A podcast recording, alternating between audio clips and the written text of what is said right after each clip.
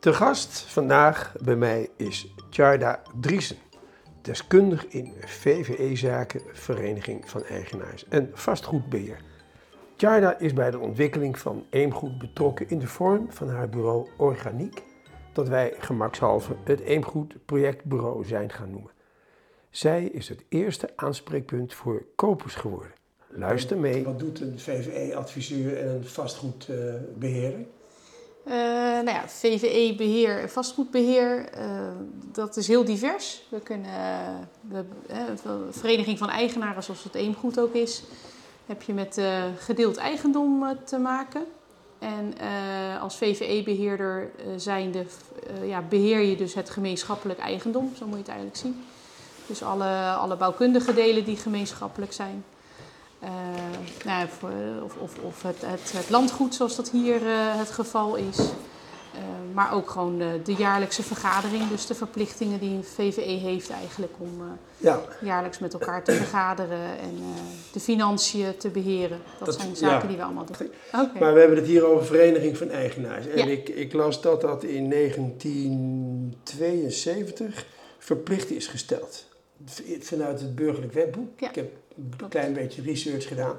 Maar die vereniging van eigenaars, wat, wat, kun je iets bij die rechtsvorm, kun je er iets over zeggen? Waarom is dat zo'n ding geworden? Of een, nou ja, entiteit? Kijk, het, is een, een, een, bijzondere vereniging. Het heeft ook een apart uh, uh, hoofdstuk ook in het wetboek. Je hebt een gewone vereniging, net zoals een, een voetbalvereniging, een tennisvereniging. Daar kan je allemaal lid van worden, maar je kan het ook weer opzeggen. En een vereniging van eigenaars heeft een, eh, ja, is apart geregeld in het burgerlijk wetboek. En uh, op het moment dat jij eigenaar wordt van een, een, een stukje van een gebouw, hè, dus een appartementsrecht, dan ben je ook van rechtswegen lid van zo'n vereniging van eigenaren. Dus daar kan je ook je lidmaatschap niet van opzeggen. En waarom is dat zo ja. van belang? Je koopt een, een, een, uh, ja, een, stukje in een gebouw, hè, een appartement, appartementsrecht. Uh, en jij moet dus ook meebetalen aan het onderhoud van dat gebouw. En als jij je lidmaatschap zou opzeggen, dan zou je daar dus ook niet meer aan meebetalen. Zou je daaraan kunnen onttrekken? Ja. Ten nadele van de overige van de rest. bewoners? Dat, dat, daar, daar, is ook, uh, daar zijn ook de nodige rechtszaken ook over geweest. Ja, dus dat uh, ja, als, ja. als, onrechtmatige verrijking wordt gezien. Uh, en dat, dat met een vereniging van eigenaren kan dat niet. Ja, dit, want dit model is dus 49 jaar oud, om precies te zijn. Ja. En dat is in Nederland echt een gegevenheid. Hè? Ja. Vooral bij flatbouw, zoals ik het ken. Ja. Dat is hier natuurlijk niet zo. Dat we zeggen, ja, we zijn die horizontaal georganiseerd. Ja. In een flat ben je verticaal georganiseerd, maar het idee is niet anders. Nee. Nee, ja, de, iedereen kent het inderdaad van een flatgebouw. Dat je daar dan een appartement... Ja. Het heet ook een appartementsrecht wat je koopt. Hè. Je hebt het exclusieve gebruiksrecht van een, een stukje van, ja, van het geheel. Ja. Want je bent met de vereniging eigenaar van het geheel.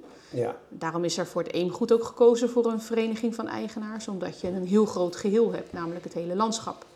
En het Eemhuis, wat je met elkaar uh, toch moet gaan beheren. Ja. Zowel financieel, maar ook gewoon qua onderhoud. Uh, daarom is er gekozen voor, ook in deze constructie, uh, voor een vereniging van eigenaars. Ja, ja, ja want het gemeenschappelijk onverdeeld aandeel, dat is relatief groot. Hè? Bij, ja. bij een flat is de fietsenstalling en een tuin rondom, zoals ik het ja, ken. En het, het, soms het, een beetje meer, een parkeerplaats. Het dak, gewoon de hele buitenschil. Ja. Kijk, waar een vereniging van eigenaars ook in voorziet is op het moment dat er onderhoud aan het dak moet plaatsvinden.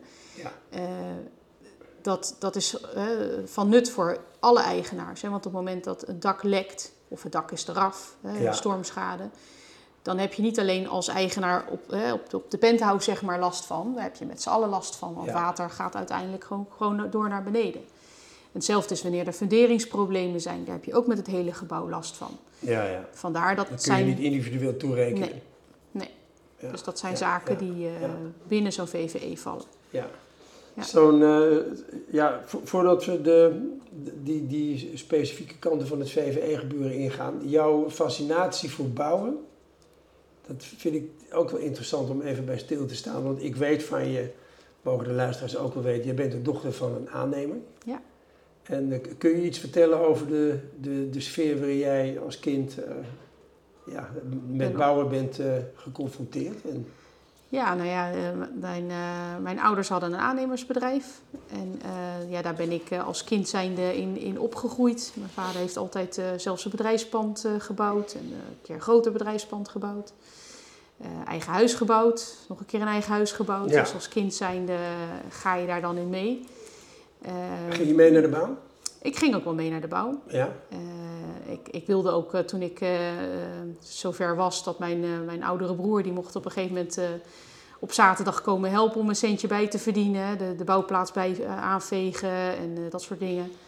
Dat wilde ik ook, maar ik was een meisje, dus dat mocht niet van mijn vader. Dat was even wennen? Dat was een beetje traditioneel. Ja, ja. Ik mocht koffie komen brengen. Nou, dat, oh, echt? Dat was zijn uitspraak. Ja, heb je ook een keer gedaan? Nou ja, dat, maar ik ben uiteindelijk... mijn moeder deed de administratie, dus ik ben in de administratie gaan helpen. Ah, Dus dat was mijn, mijn eerste bijbaan om... ja, want die bouwwereld, die, die, is wel, die was traditioneel. Dat is die volgens mij nog een beetje. Ja, dat is nog wel... dat is wat minder geworden, hè? Iets minder geworden, maar je, je, ziet toch nog niet veel vrouwen in de uitvoering uh, van de bouw.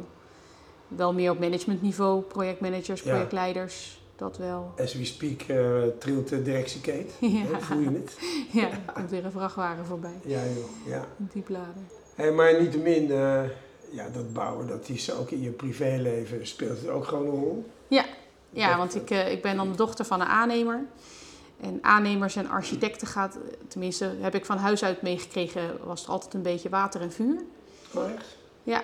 ja, want een architect bedenkt een heleboel mooie dingen en de aannemer moet het uiteindelijk realiseren. En daar zit nog wel eens een spanningsveld uh, in dat uh, wat de architect bedenkt niet realiseerbaar is binnen het budget. Wat en, dan, er, en dan zeg je het netjes misschien wel? Ja, dan zeg ik het netjes. Ja, oké. Ja. En, uh, maar ja, toen leerde ik een man kennen en die bleek architect te zijn. dus dat was een mooie binnenkomer thuis. Is geen toeval, uh, Tjara? Nee, misschien niet. Uh, heet ook nog hetzelfde als mijn vader, dus dat was ook nog eens een mooie oh, binnenkomer. Ja. ja. Ja? mijn vader heet ook Jan, dus dat, was, ja. dat was wel interessant. Maar het grappige is dat ze. mijn man heeft dus ook het huis van mijn ouders, het laatste huis van mijn ouders, ontworpen. En dat heeft mijn vader dus zelf gebouwd. En uh, daar heeft hij anders ook, zelf, uh, ja, ook in meegeholpen. En uh, daardoor ook heel veel geleerd over de realisatie. Ja, ja. En dat dus ook weer mee kunnen nemen in je, ja, in je ontwerp. Ja. Van, Wat voor bouwwerk deed zijn aannemerij? veel detailhandel. ze hebben, mijn vader die is eigenlijk meegegroeid met McDonald's in alle binnensteden. Heeft Oh, ja, hij ja. uh, 25 jaar lang uh, gedaan. Heeft hij veel uh, McDonald's Ja. zaken neergezet? Ja, heel veel. En, en dus niet de McDrives, maar wel de binnenstedelijke Ja, eh, ja, zaken. ja. Dus Amsterdam, Dat is eh, een Utrecht, specifiek Rotterdam. eh, concept, ook bouw, bouwkundig, hè?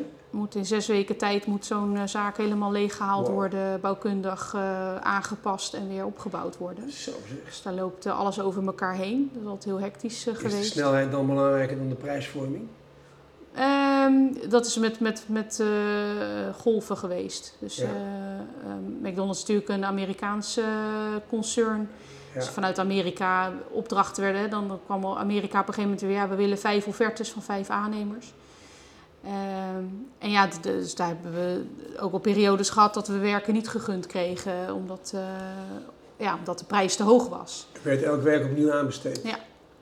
En uiteindelijk, nou dat was heel snel over, want Ja. de, de, de, de, de licentiehouders, hè, McDonald's is natuurlijk een, een franchise, licentiehouders die zeiden bij voorbaat al van ja, je mag van mij zoveel offertes vragen als je wil, maar Driessen gaat het maken.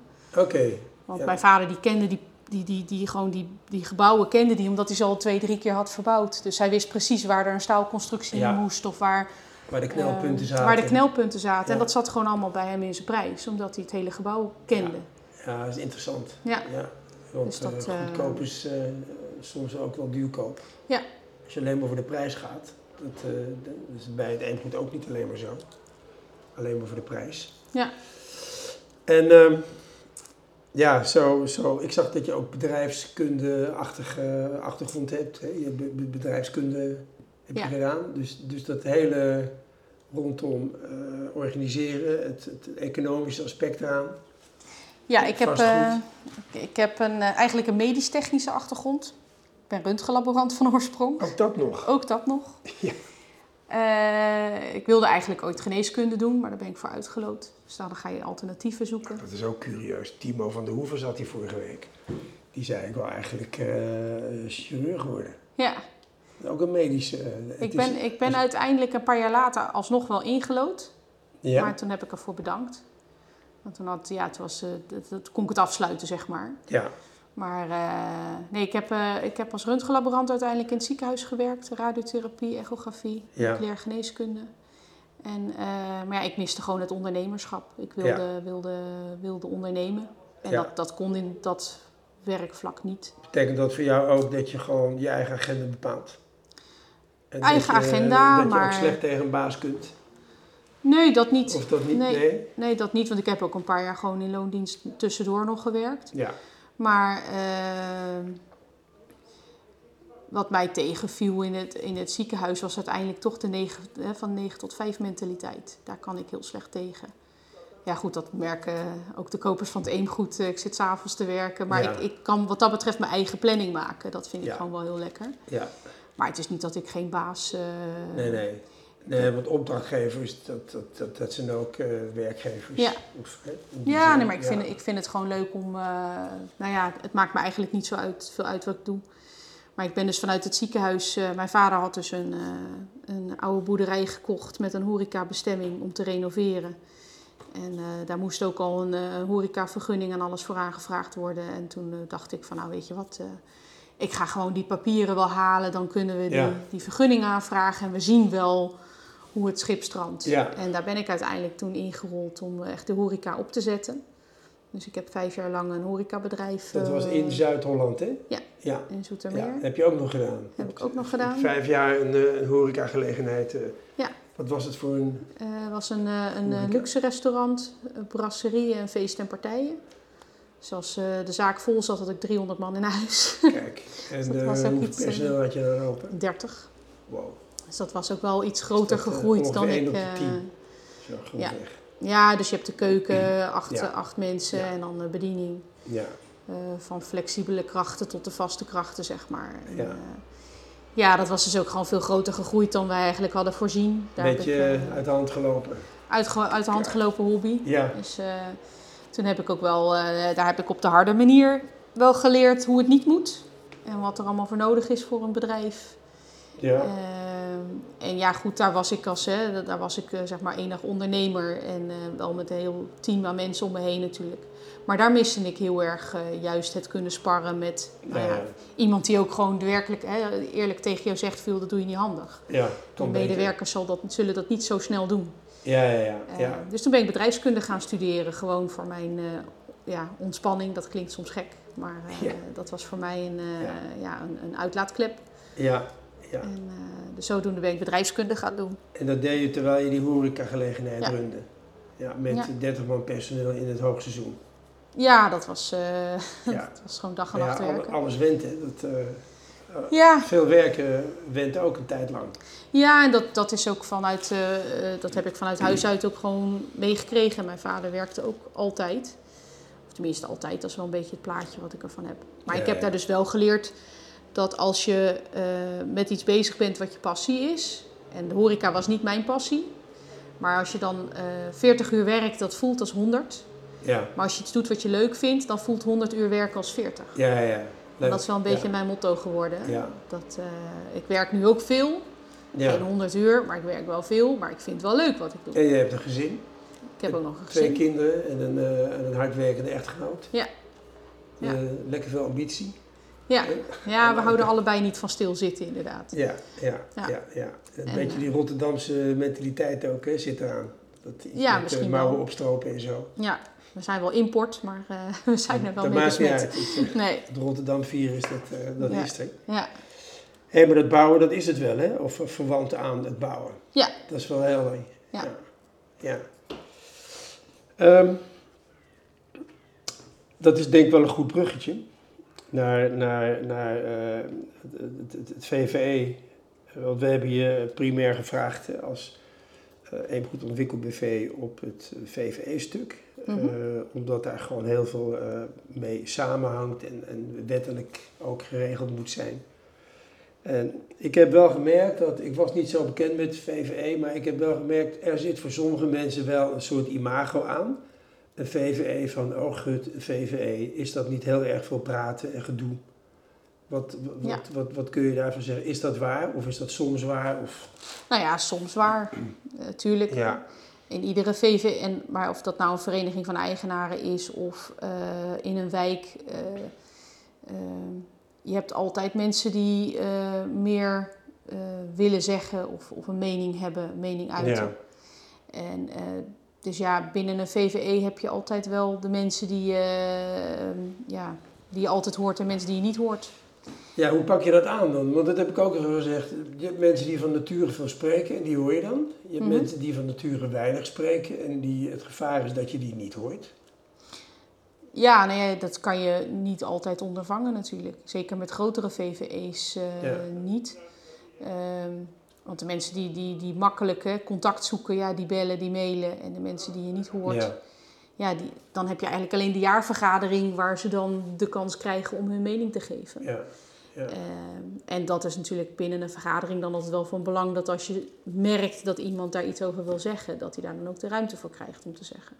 Ja, en dan, dan heb je het ook over de voorzitter van een VVE, die Ja. jij ook bent. Hè? Jij wordt ook ingehuurd, jullie, Ja. om VVE's voor te zitten. Ja. Hoe dat met het eemgoed zal gaan, dat, eh, dat, dat, dat gaan we zien. Maar daar is natuurlijk zoveel VVE-ambitie. Ja. Dat de vroeg of laat gaan bewoners dat gewoon zelf Ze zelf oppakken. doen. Ja. En misschien dat ze nog een keer naar je bellen. Ja. Dat kan natuurlijk ook altijd. Wat is nou, wat is nou het succes van een goede VVE, eh Tjaarda? Voor zover daar één recept voor is. Of Ehm, ik kan het ook omdraaien. Wat is nou gewoon een goed recept voor een, waardeloos functionerende VVE? Laten we het zo aanlopen. Nou ja, kijk, wat in een, binnen een VVE gewoon heel belangrijk is, is eh, een goed huishoudelijk reglement. En ook handhaven. En, eh, Ja, ja. en dat is soms lastig. Zeker Ja. als bestuursleden zelf gaan handhaven.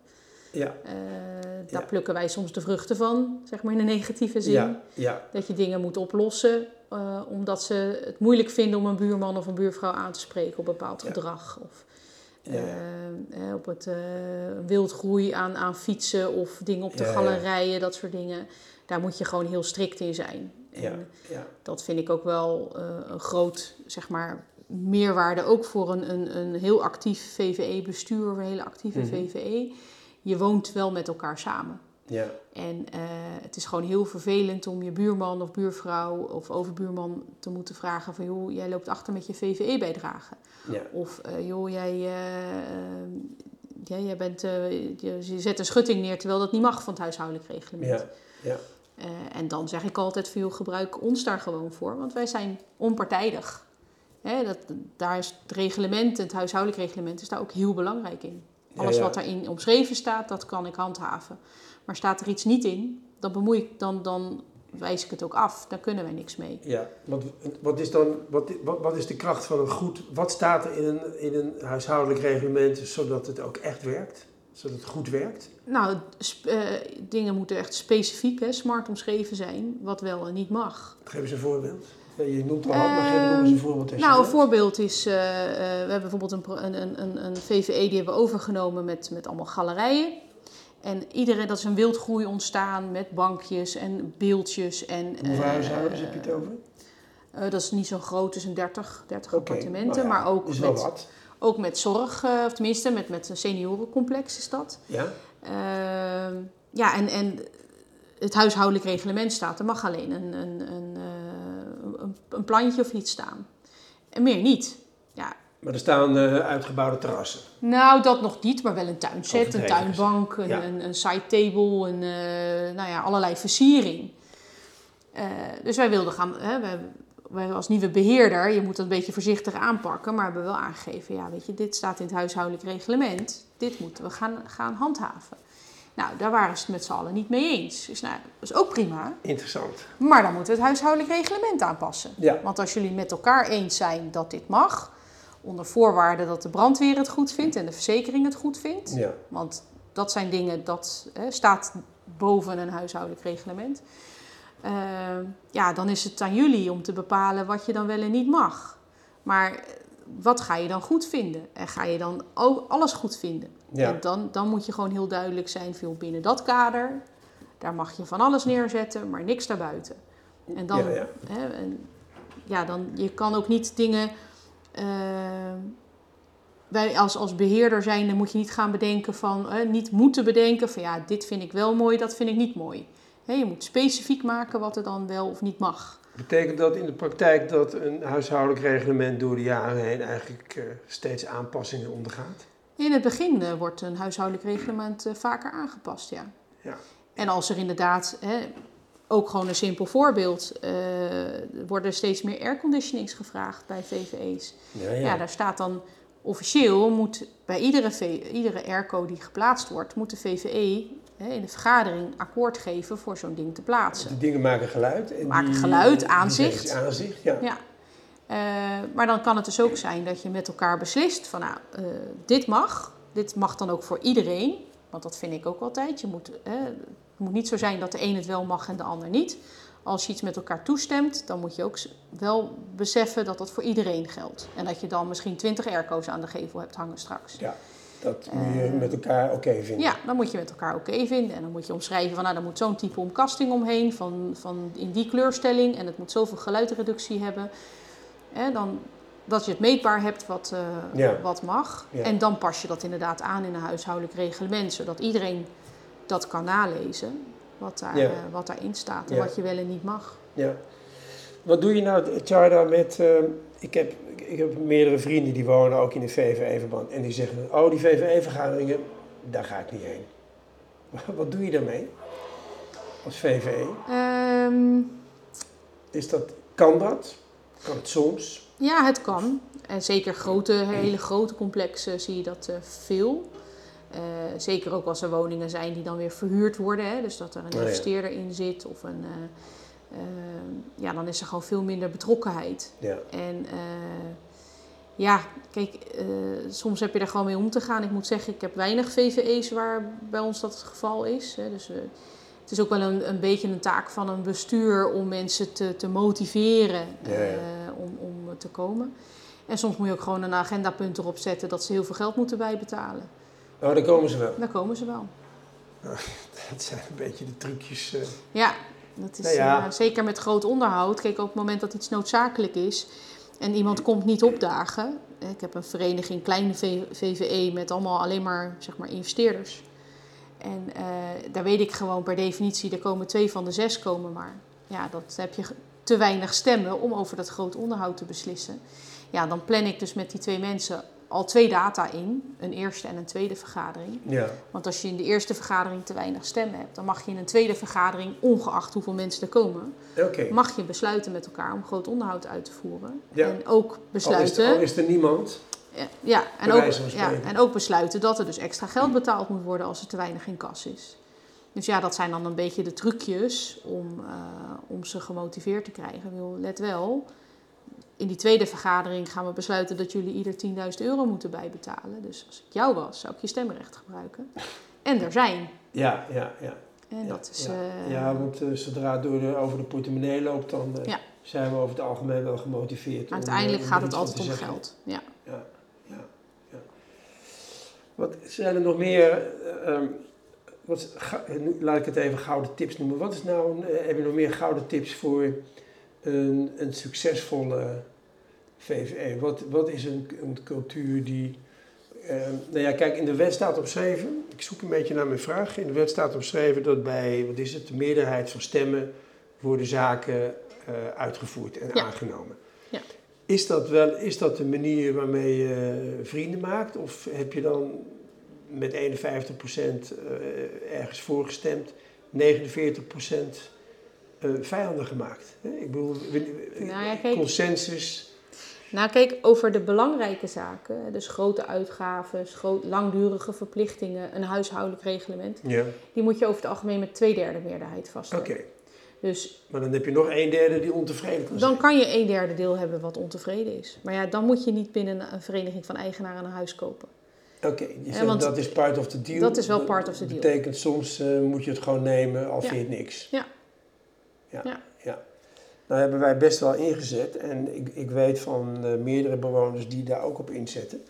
Dat er allerlei manieren zijn om overleg in te richten. Je hebt uh, deep democracy, je hebt sociocratisch uh, overleg, je hebt mm. nou, meerderheid van stemmen.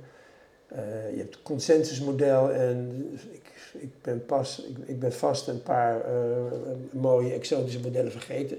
Maar dat geeft voor mij aan dat er, dat er echt wel behoefte is aan wat is nou een overlegstructuur waarbij we met elkaar het heel plezierig kunnen houden. Ja. Dat de wetgever die schrijft daar niks in voor, maar dan kun je dus vrijwillig als VVE wel voor kiezen. Ja, je kan er als VVE zijn er wel voor kiezen, maar de splitsingsakte is wel het minimum. ja, dus je mag dat is de ondergrens. Ja, dat is de ondergrens. En tuurlijk, hè, wij, wij hebben ook ehm, zeg maar verenigingen waar we maar met op zich grote gebouwen, maar met, met, met maar een paar eigenaren te maken. Uh, dan steken wij er ook echt wel veel moeite in om gewoon met die paar mensen een vergadering te plannen, zodat je ook weet dat iedereen er is. Zeker als het maar een klein gezelschap is. Ja. Uh, en tuurlijk kan je net zo lang met elkaar doorgaan, uh, totdat je inderdaad een zo grote meerderheid hebt. Hè, dat, dat ja. alle vragen of bezwaren zijn weggenomen. Ja.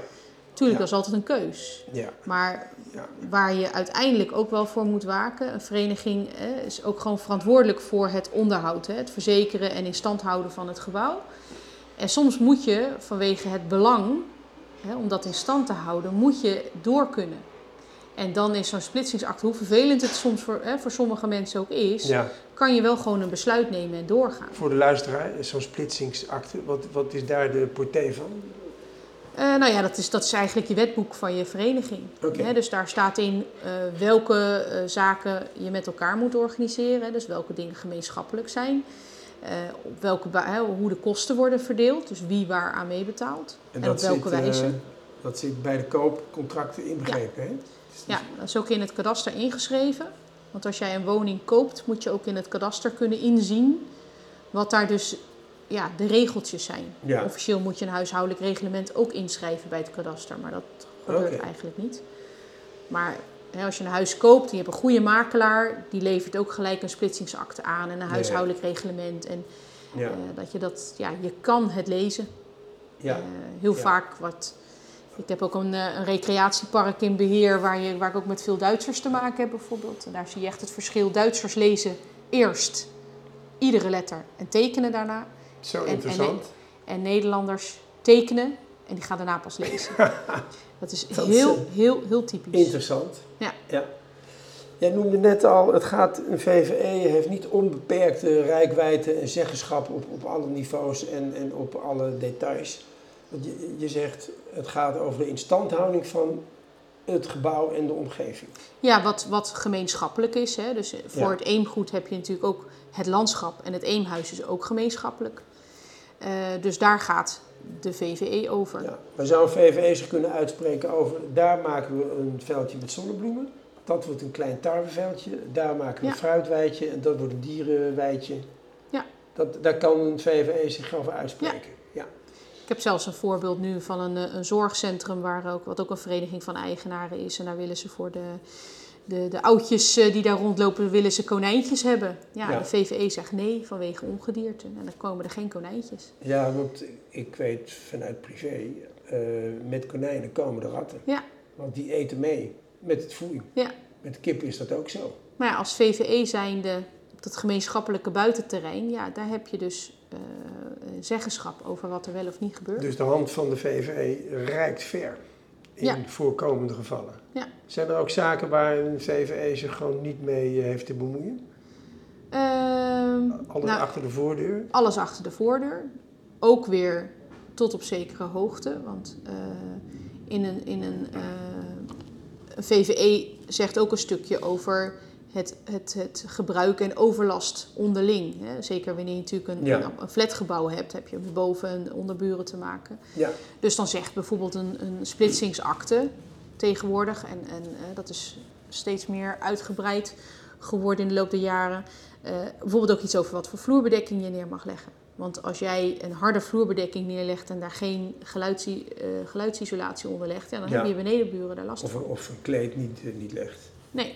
En als jij uh, geen onderhoud in jouw woning uitvoert, of je, uh, simpel voorbeeld, in je badkamer, uh, 20 jaar oud, doe je nooit iets. En alle kitvoegen en alles gaat een keer verrot, je krijgt lekkage. Dan zegt de splitsingsakte ook dat degene die dan zijn badkamer niet onderhoudt, die is dan verantwoordelijk voor die schade. Ja, ja, ja. ja, ja. Dus Zodra dat... een ander ergens last van ja. heeft, dat is dan wellicht het criterium? Ja. In termen van geluid of, of achterstallig onderhoud, zoals lekkage. En... En zo kijken wij ook altijd naar, zeker ook met het opstellen van een splitsingsakte. Hè. Dat is bij het Eemgoed hebben we ook samen met de notaris gekeken van nou wat, wat willen we nou wel binnen de werking van de VVE hebben en wat niet. En wat, houd, wat maken we wel gemeenschappelijk en wat niet. Ja. VVE kijkt ook altijd naar uh, hoe hè, je kan een stukje uniformiteit waarborgen. Dus dat de uitstraling van het hele project hetzelfde blijft en niet dat straks Longhouse A uh, een groene voorgevel krijgt en Longhouse B een zwarte uh, voorgevel. Daarom hebben we bij het, bij het Eemgoed ook voor gekozen om ook gewoon die buitenschil van die woningen in uh, de VVE te stoppen. Hè. Ja. Je ziet natuurlijk, heel, ja. heel Nederland staat vol natuurlijk met rijtjeshuizen. Ja, waarom? Hè, het Longhouse is, een Longhouse is natuurlijk ook gewoon woningen naast elkaar. Ja, laten we het toch maar even oneerbiedig, uh, ik, ik zeg wel eens, het zijn verschakelde bungalows. Ja, ja. maar dat, wat, wat maakt dit dan anders dan een, een, een standaard rijtjeswoning? Hè? Want die hebben ja. ook een, een doorlopend dak en ook een doorlopende voorgevel. Uh, hier is dus ervoor gekozen om dat wel binnen de VVE te stoppen, zodat die uniformiteit uh, gewaarborgd blijft. Ja, ook visueel hè? Ja, gewoon echt ja. visueel. Gewoon qua uitstraling, dat je allemaal dezelfde ja, uh, materialen hebt. Ja. Het groendak vraagt natuurlijk ook wel echt specialistische onderhoud straks. Ja. En dat is gewoon goed om dat binnen een VVE te organiseren. Dat ook niet iemand zegt van ja, maar dat is mijn stukje dak. Ik ga lekker zelf onkruid wieden op dat dak. Uh, en dan misschien dat niet goed doet, waardoor je lekkage krijgt. Dat soort zaken. Ja. Dus daar is wel voor gekozen. Is het denkbaar zelfs, en misschien weet ik het antwoord al, dat VVE ook coronamaatregelen opstelt. We zitten natuurlijk in die bijzondere tijd hè, met, mm -hmm. met wat corona heet. En met name het pakket aan maatregelen, dat raakt mensen en bedrijven. Ja. In de publieke ruimtes en in de privésfeer.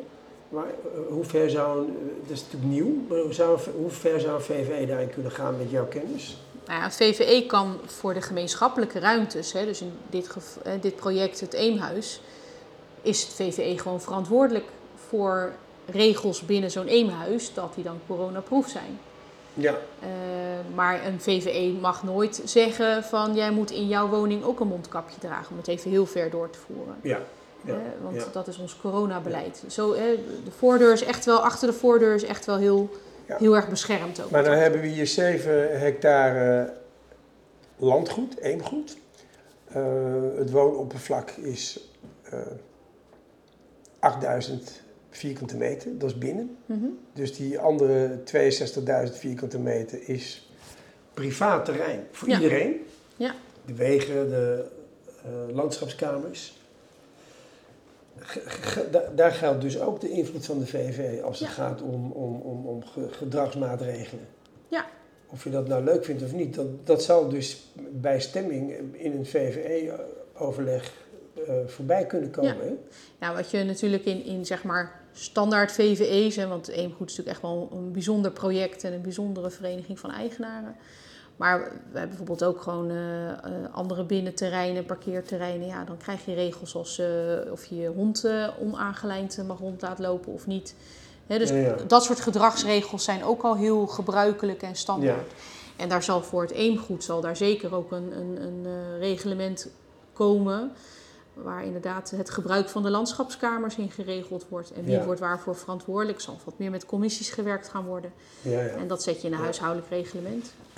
Zou, even, nog even, nog een gedachte over dat corona. Zou je ook kunnen besluiten als VV dat je, dat je er expliciet voor kiest... jongens, we gaan geen coronamaatregelen afspreken. Dat laten we gewoon voor ieders verantwoordelijkheid. Ja. Eh, dat wordt te gek. We gaan geen looprichtingen met pijltjes aangeven en verbodsborden en eenrichtingsverkeer. Nee. Ik was laatst op een, op een klein, eh, dat is geen landgoed, 2.500, eh 25.000, 2,5 hectare bosgrond Mhm. boven Zutphen. En daar, zijn, daar werden bordjes geplaatst. Dus eh eenrichtingsverkeer en de stopverbod. En Toen dacht ik, ja, je moet er maar opkomen. Ja. Zover hoef je natuurlijk helemaal niet te gaan. Dat is Het, is het is natuurlijk geen publieke ruimte. Hè? Het is een private ruimte. Precies. En eh, dus ja, dat, daar, daar hoef je, ben je niet toe verplicht om Ja. iets te regelen.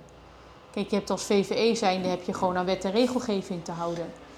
En als de, de regelgeving op een gegeven moment dermate wordt aangepast dat je in ieder gebouw wat, wat gemeenschappelijk is, eh, looproutes moet maken, ja, dan zal je als VVE daarvoor wel verantwoordelijk zijn. Net zoals dat je bijvoorbeeld als VVE verantwoordelijk bent om, een, eh, om, om je, je legionella-preventie op orde te hebben. Hè? Als je gemeenschappelijk waterhuishouding hebt. Of Ja. eh, Ja. eh, ja, keuring aan installaties moet laten uitvoeren. Daar ben je als VVE voor verantwoordelijk. Want het is gewoon in, in, de, in de wet en de normen geregeld. Ja. Zou je in zijn, in zijn nee, eerst even dit. Je zegt, het Eemgoed is best wel een bijzondere VVE van, van opzet. Wat, wat is in jouw manier van kijken bijzonder aan de VVE Eemgoed? Eh, nou, vooral het landschap. Dus dat je eh, met elkaar niet alleen maar simpel een huis hebt wat je beheert en verzekert. Maar je hebt ook een heel landschap met eh, inderdaad landschapskamers, moestuinen. Ja. Straks een eemhuis waar, je, waar misschien een, een soort van landwinkel in, Ja. in, in ge- Ja. ge- ge- gevestigd kan worden. Ja. Eh, Ja. ja, daar, daar, Ja.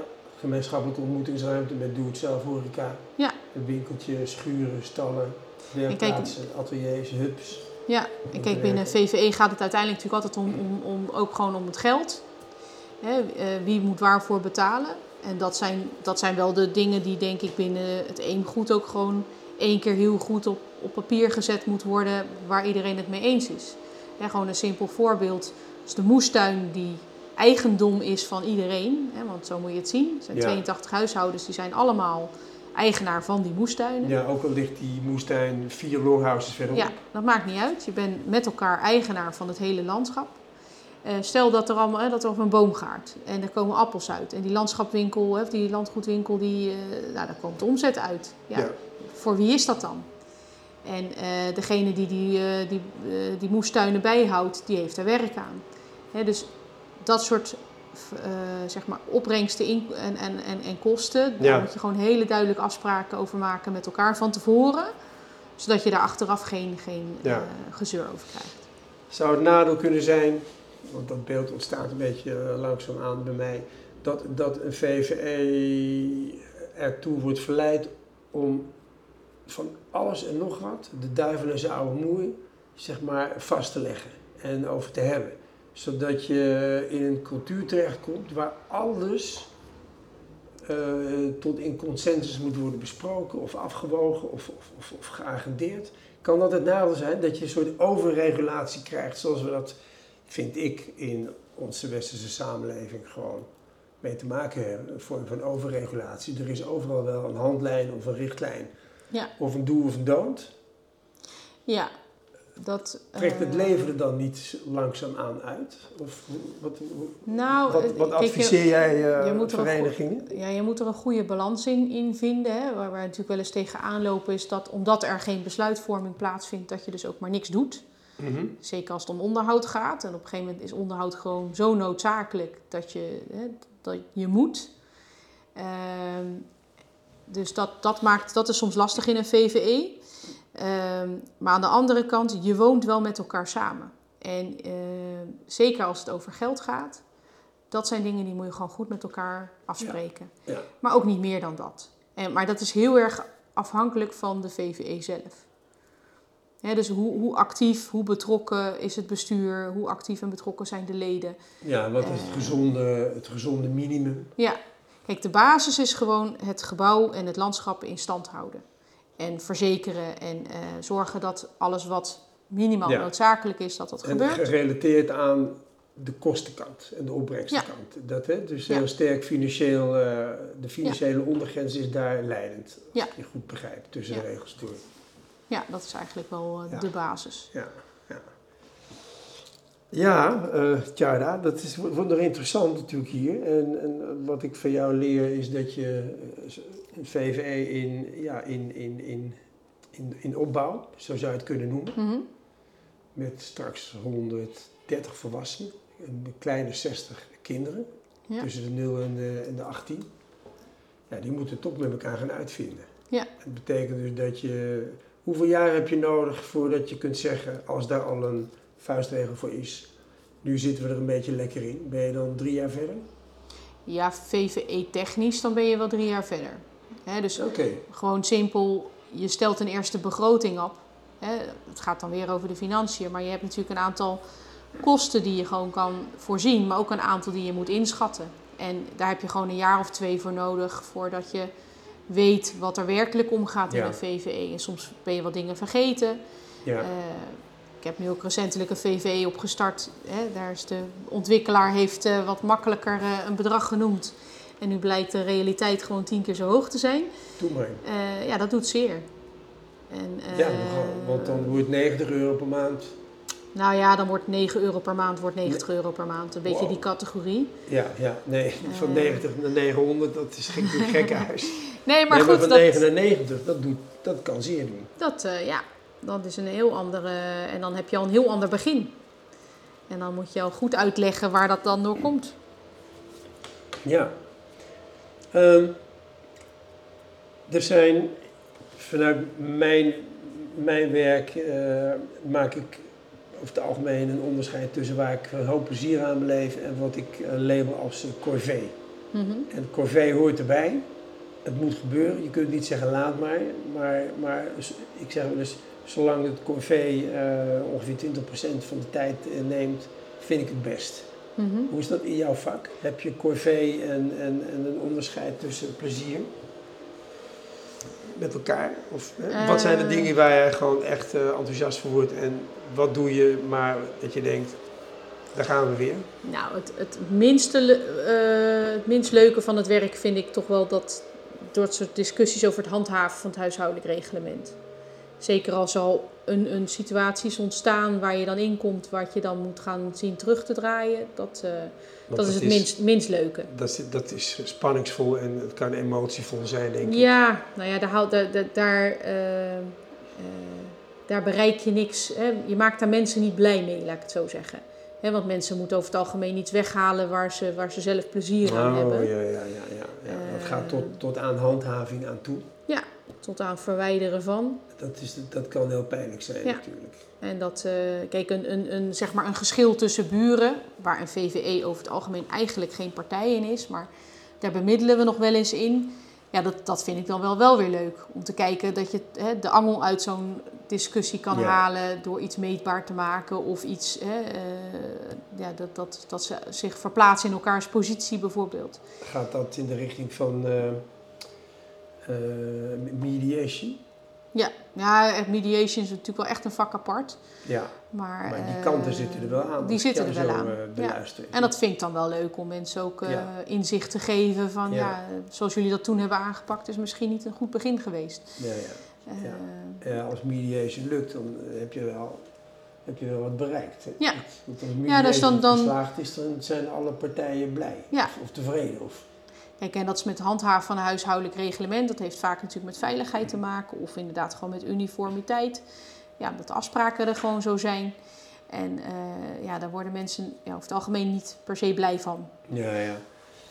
Eh, En, de, echte, de echte succesklappers van de VVE, wat, wat kun je daar ook iets over zeggen? Van die, van die VVE's die gewoon zo verschrikkelijk goed zijn en leuk.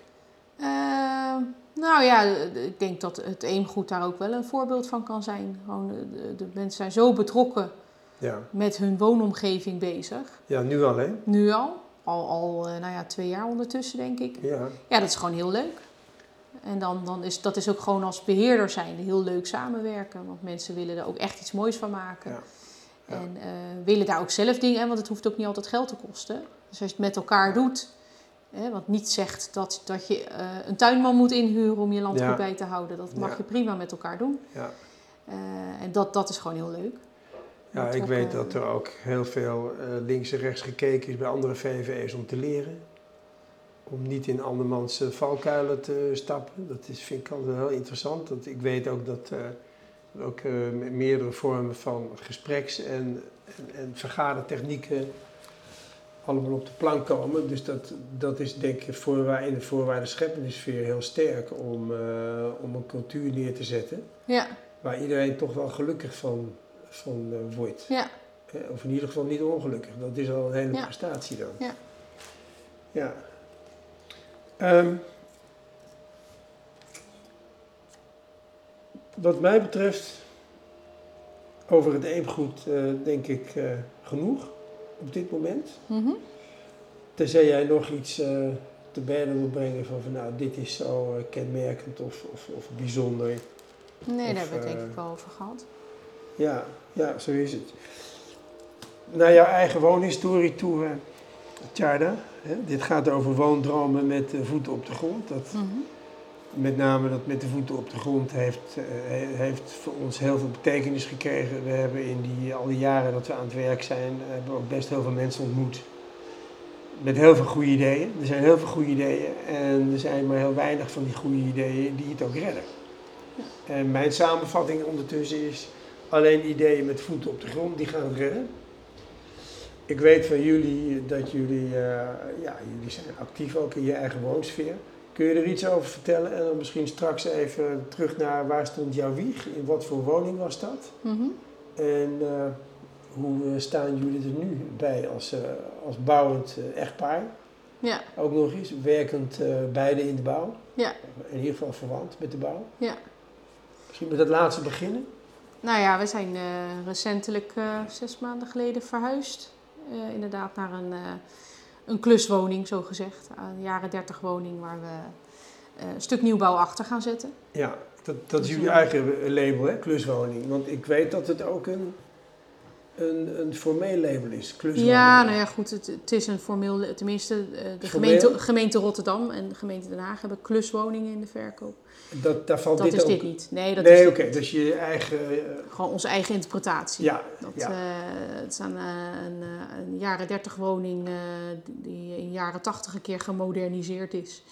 Nou ja, dat, dat hebben we nu opgefrist en daar zijn we nu een plan bij aan het maken om daar een stuk eh, ja, echt modern nieuwbouw eh, achter te zetten, tegenaan te zetten. Mag je het slopen of, moet je... Moet Mag je, het slopen, maar dat, Ah, dat, eh, nou ja, Ga je misschien... vind ik zonde. Bepaalde elementen van het huis vind ik echt wel leuk. Met glas in lood en granito-vloer. Ja, En ik vind de combinatie oud en nieuw vind ik ook altijd heel erg leuk. Dus ons huis hiervoor hebben we ook zelf verbouwd. Dat was een dubbele benedenwoning in, in Rotterdam-Kralingen. En dat was ook met oude elementen. En eh, ja, deels daarnaast eh, zeg maar heel strak modern Ja. eh, Ja. zeg maar, verbouwd. Dat vind ik zelf gewoon heel leuk. Dat je Ja. die, die, hè, die oude elementen kan combineren met, eh, met echt eh, Ja. snoeihard ja, modern daarnaast. mooi glas of... Glas en staal. Ja, ja. ja, ja. ja. Beetje hetzelfde als eemgoed, hè? Zwart. eh, Ja, ja, ja, kijk, de oplettende luisteraar die weet natuurlijk dat eh, jouw echtgenoot eh bouwteamdirecteur is bij eh, CPZ, hè, Ja. architect van het Eemgoed. Wa- wa- Waar, wat is een ideale woning voor jou, Tjaarda? Waar voldoet die aan? Ehm, Misschien niet één ding, maar een paar.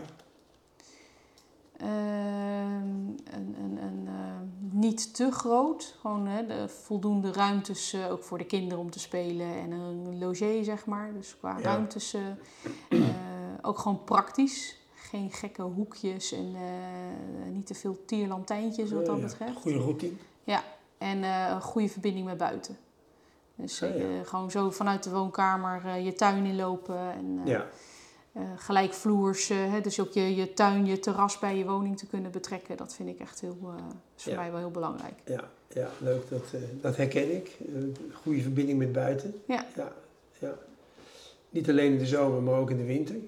Ja, altijd. Ja. Dat eh, ja, vind, ik echt, eh, Ja. vind ik echt heel leuk. We zijn daarom eh, nu ook wat meer zeg maar, naar het buitengebied verhuisd. Waar we meer ruimte, meer groen om ons heen hebben. En ja, we voelen ons eigenlijk ook wel gelijk, gelijk thuis. Dat is heel Wat goed. vinden de kinderen ervan? Ja, die vindt het ook geweldig. Ja? Die spelen alleen maar buiten. Zijn alleen maar in, met bomen en takjes en hutten aan het bouwen. In, Ja, fantastisch, hè? in struiken, ja. Ja. Nee, die vindt het helemaal leuk. Ja. En naar het begin van jouw eh, woonleven, waar stond jouw wieg? Eh, nou wat voor huis? Ik ben, eh, dat was ook gewoon een, een, een kleine eensgezin, of tenminste een rijtjeswoning in Den Haag. En mijn vader heeft dat ooit van zijn eerste salaris gekocht voor zijn ouders. Kijk. En toen die overleden waren, zijn mijn ouders daar zelf gaan wonen. En daar heb ik dus de eerste zes jaar van mijn leven gewoond. En daar begon hij zijn aannemerij? Nee, daar, ja, hetzelfde jaar als ik geboren ben is hij voor zichzelf begonnen toen. En nou ja, al vrij snel dus een, een wat meer richting het Groene Hart verhuisd. Ook een, stuk grond gekocht om een huis zelf te bouwen. Dus daar, Toen jij net getrouwd was? Of nee, sorry, nee, je hebt het, over je zes. ouders. Ja. Je, je, ouders hebben toen een stuk grond gekocht, zelf gebouwd? Ja. Wat, wat voor woning bouwde hij? Uh, ja, wel een redelijk traditioneel uh, vrijstaande woning met een zadeldak en uh, okay. Bruin hout. ja, dat is een zadeldak, dat is een dak met een knik erin, hè? Ja. aan elke kant. Ja, ja, Ja. dus redelijk, redelijk traditioneel met een vierde erin en ja, een Noorstenen, Noorlijstenen vloer, dat soort, ja, een beetje dat soort entourage. Nog geen vloerverwarming in die Eikenhouten keuken, allemaal handgemaakt. Vloerverwarming wel. Oh ja? Ja. Dan was hij er vroeg bij. Ja, dat was 85. Dat, uh, ja, 1985. Inpandige garage. Dan kon mijn moeder mooi naar binnen rijden met de boodschapjes uh, binnen, binnen uitstappen. Oh, kijk. Ja. Ja. ja. ja. Dus dat, uh, en nou ja, toen ben ik inderdaad, daar ben ik uit huis gegaan. En wat ik al zei, mijn vader had dus een, een boerderij gekocht met een horecabestemming. Daar heeft hij een huis toen naast gebouwd. Dat mocht in het bestemmingsplan. En daar, daar ben ik toen ook gaan wonen. Terwijl ik het het restaurant. of zo? ja, ja. Ja, mooi. En dat was, dat ook was een, jouw eerste woning zelfstandig? Ja, dat was mijn eerste zelfstandige woning. Een notariswoning. Uh, qua ontwerp. Ja. Dus uh, vrijstaand met uitzicht over de polder. Dat was ook niet verkeerd. Leuk. Ja. ja. En daar uh, nou, heb ik een paar jaar gewoond. Nou, we hebben het, de horeca uiteindelijk verkocht. Dus toen, nou, toen had ik Jan ondertussen ook leren kennen. En die wilde heel graag naar Rotterdam verhuizen. Gewoon om een paar jaar in de, in de stad te wonen. Ja. Maar ik had ook al een jachthond, dus die uh, moet ook veel naar buiten. Dus toen zijn we eigenlijk bij Kralingen terechtgekomen vanwege het Kralingse bos. Dat is buiten wonen Ja. in de stad, hè? Ja. Zou je kunnen zeggen. En achteraf gezien, uh, we wisten helemaal niet dat Kralingen zo'n leuke wijk was. Maar Ja. uh, ja daar zijn wij bij toeval terechtgekomen en dat is wel heel goed uitgepakt. Ja.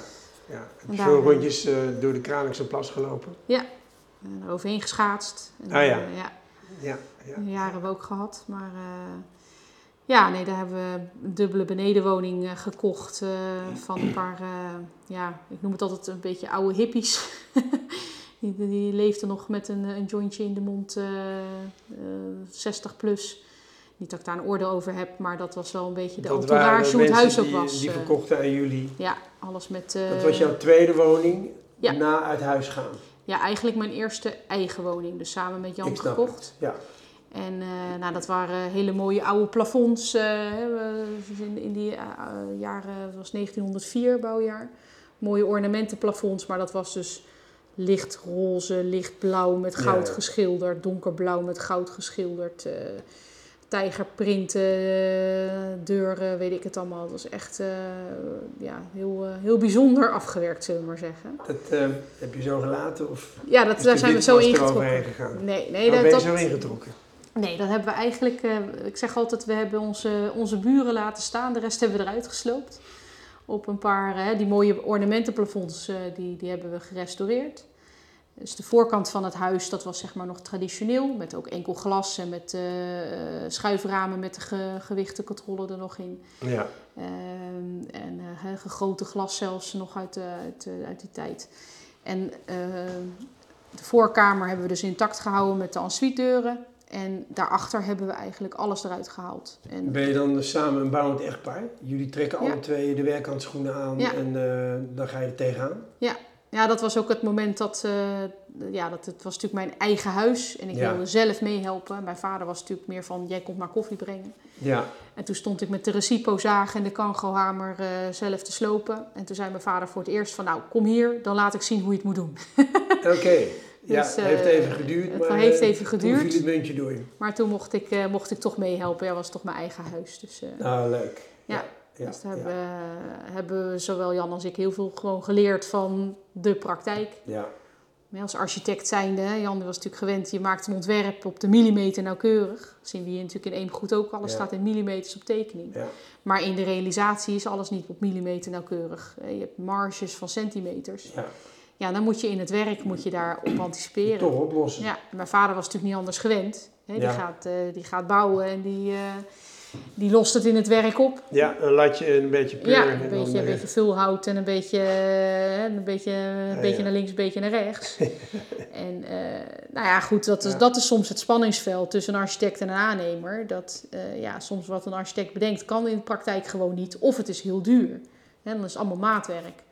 Ja. En dat, eh, ja, dat is juist het leuke om dan te zoeken naar iets wat misschien wel met standaardmaten gemaakt kan worden, maar toch het, het- aan het ontwerp, eh, binnen het ontwerp blijft passen. Ja, ja, we weten natuurlijk van, van Jan Joman dat hij eh, een groot voorvechter is van meedenken en aannemen. Ja. Zoals dat dan wordt genoemd, nog en, door-engineeren Ja. van het ontwerp. Ja, gebruik maken van de kennis van de, Ja. van de praktijk. Ja, ja, ik heb daar met Menno ook eh, bij stilgestaan. Die, die, die heeft ook aan deze tafel gezeten.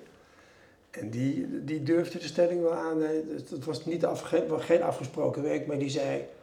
Als we dit bij een aannemer in de vorm van een bestek een jaar of drie geleden hadden neergelegd... Mhm. dan hadden wij dit gesprek hier helemaal niet gevoerd. Want dan had het project er niet gestaan of niet gekomen. Nee. Of was zodanig uitgekleed. Dat je misschien wel gewoon eh, al je kopers kwijt was geraakt. Of, of hè, hoe, Ja. hoe, hoe erg kan het zijn in deze toch...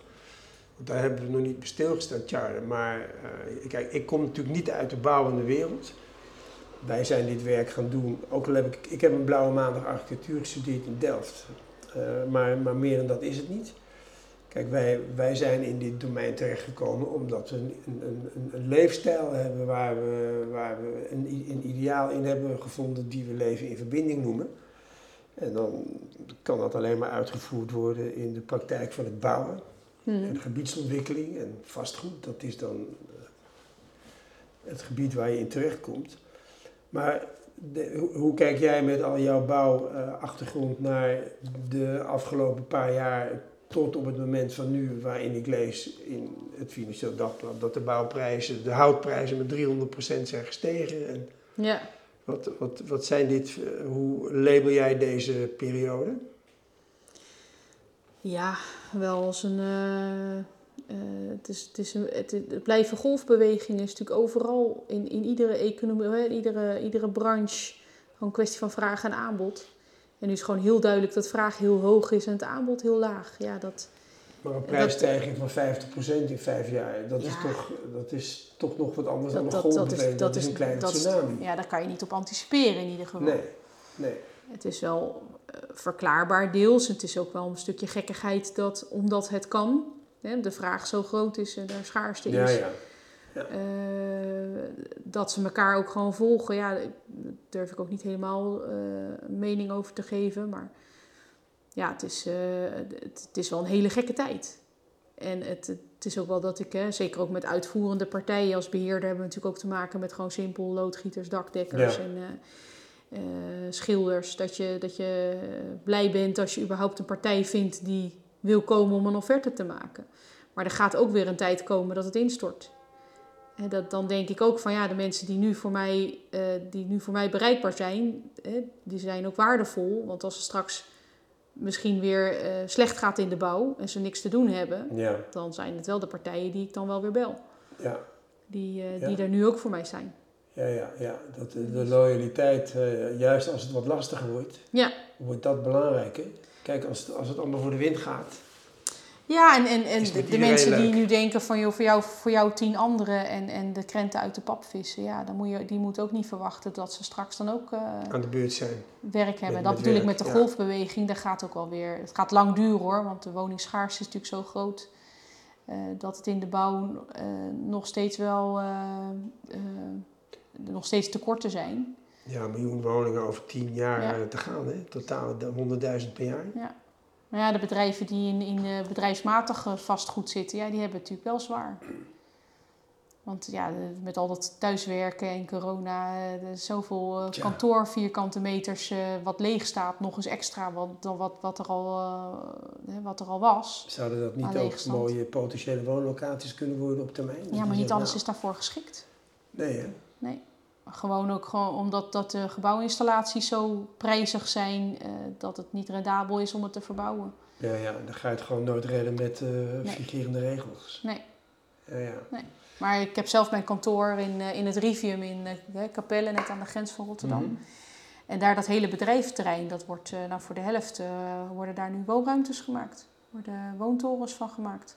Want er is zoveel leegstand. Wordt er deels gesloopt? Nee, echt, echt getransformeerd. Getrans getransformeerd? Ja.